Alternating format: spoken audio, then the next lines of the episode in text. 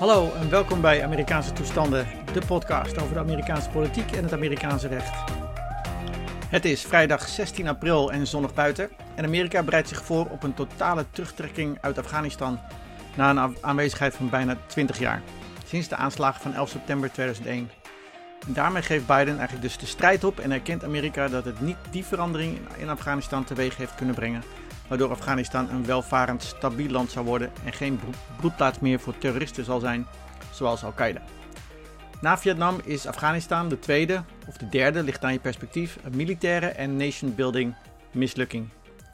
De terugtrekking staat gepland voor september, maar ik wil het eerst zien voordat ik het echt geloof.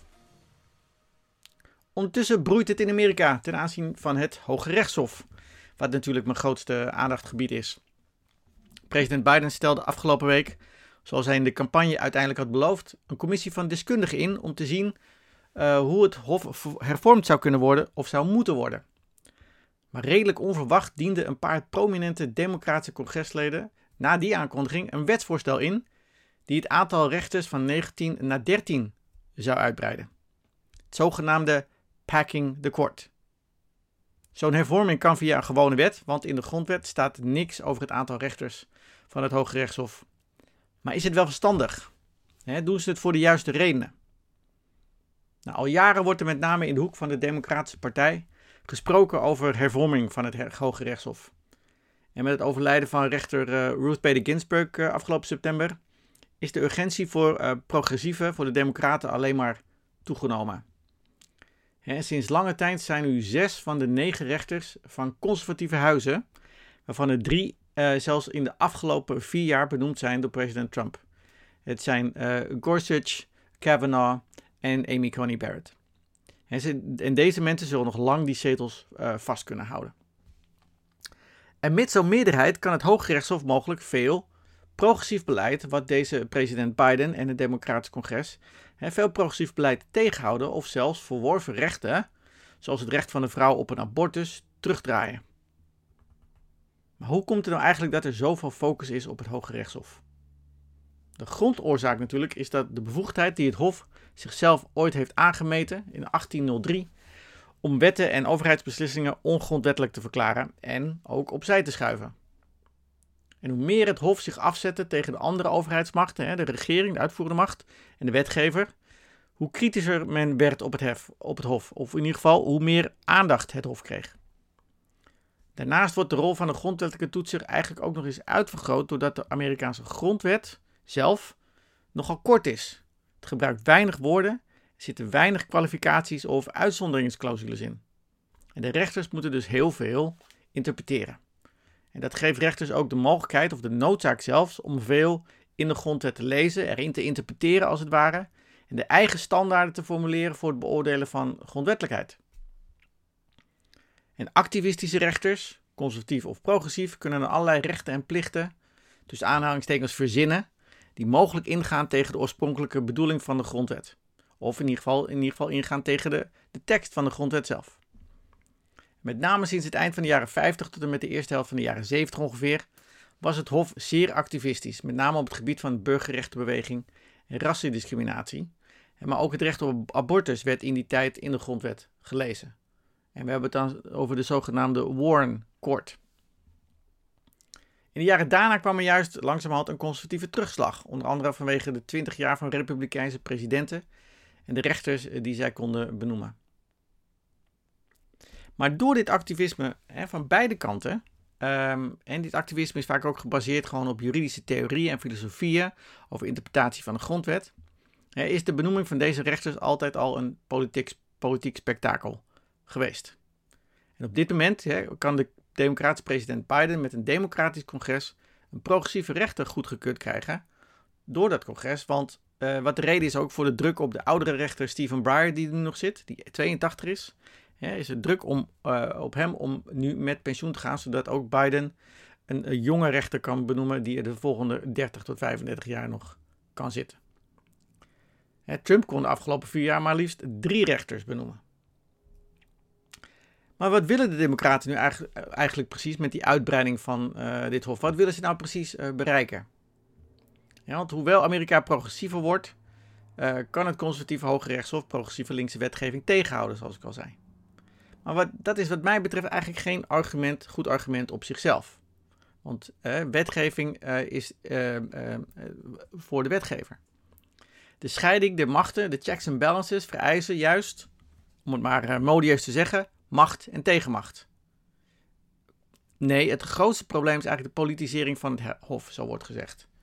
De Democraten zijn met name nog gefrustreerd dat de Republikeinen sinds 2016 twee rechtersbenoemingen door de neus hebben geboord van twee democratische presidenten. In 2016 kon Obama de zetel van de overleden conservatieve rechter Antonin Scalia niet vullen, omdat Republikeinen in het congres zelfs niet met de kandidaat wilden praten, laat staan een hoorzitting geven. De zetel werd gewoon leeg gehouden totdat er een Republikeinse president kwam, Donald Trump, die vervolgens dus een conservatieve rechter benoemde, Neil Gorsuch. Justice Kennedy ging met pensioen uh, vervolgens en Ruth Bader Ginsburg overleed in september. En in sneltreinvaart, hè, in uh, tegenstelling tot uh, toen Scalia overleed, in sneltreinvaart nog voor de verkiezingen werd Amy Coney Barrett geïnstalleerd bij het Hof. De politieke hypocratie van de Republikeinen heeft dus een hele zure smaak bij de Democraten achtergelaten. Uitbreiding lijkt het hof, van het Hof lijkt een makkelijke mogelijkheid om nu die in hun ogen illegitiem verkregen conservatieve meerderheid weer teniet te doen. Maar ja, wat houdt de Republikeinen tegen om niet hetzelfde te doen als zij weer aan de macht zijn? Waar zit het einde? Nou, de positie van een rechter bij het Hof is ook zo gepolitiseerd dat men er niet meer van uitgaat dat een rechter een welgemene juridische filosofie heeft, die losstaat van politieke voorkeuren en beslissingen neemt op basis van het recht, op basis van de grondwet, zoals hij of zij die interpreteert die klacht wordt ook hier en daar in Nederland uh, wel eens geuit. Zijn D66-rechters bijvoorbeeld, wordt er gezegd. Maar zoals eerder gezegd, het Hof heeft juist een grote rol doordat het de bevoegdheid tot grondwetstoetsing uh, heeft en doordat de grondwet zo weinig woorden bevat. Daarnaast is grondwetswijziging bijzonder moeilijk. Een tweederde meerderheid in het congres moet akkoord gaan en vervolgens nog drie kwart van alle staten, van de 50 staten in Amerika. En het is ook nog maar eens de vraag of bijvoorbeeld een recht op abortus wel door de nationale overheid in normale wetgeving vastgelegd kon worden vanwege het federale systeem in Amerika. Heeft het congres wel de bevoegdheid, zoals die is omschreven en omlijnd is in, het, uh, in de grondwet, wel de bevoegdheid om dat recht vast te leggen? In gewone wetgeving. Kijk, de, de grondwet is de bron van alle rechten en plichten van de overheid en van de burgers. En negen rechters mogen bepalen wat die rechten en plichten nou precies inhouden.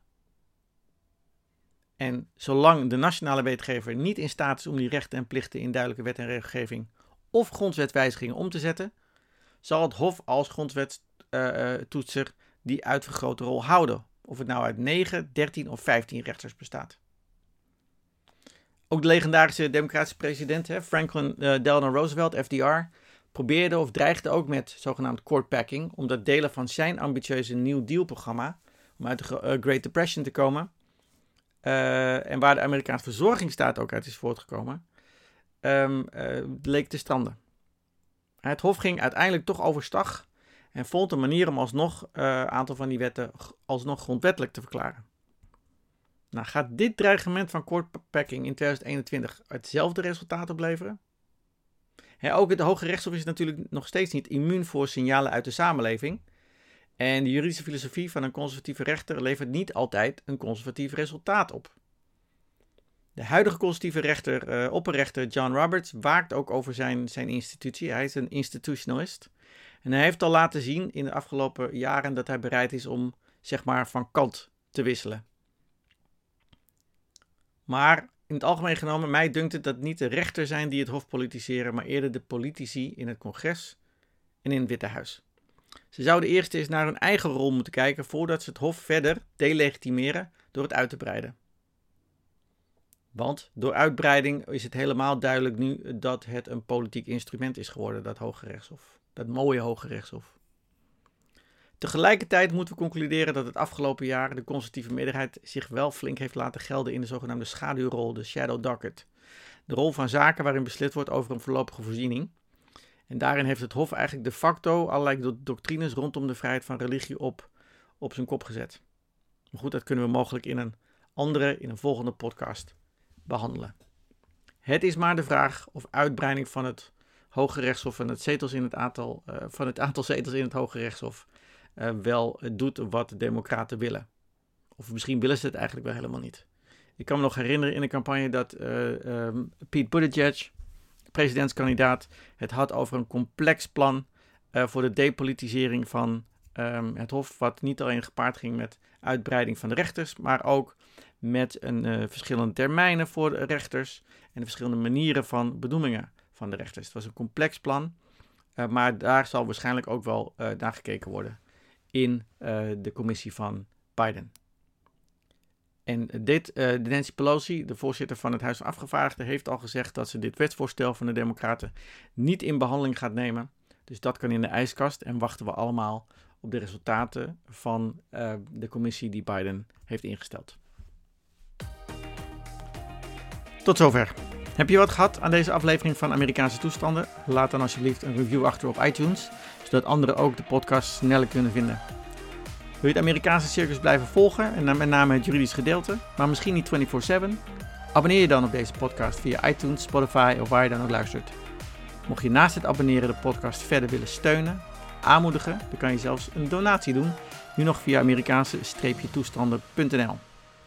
Nogmaals dank voor het luisteren en tot de volgende aflevering van Amerikaanse toestanden.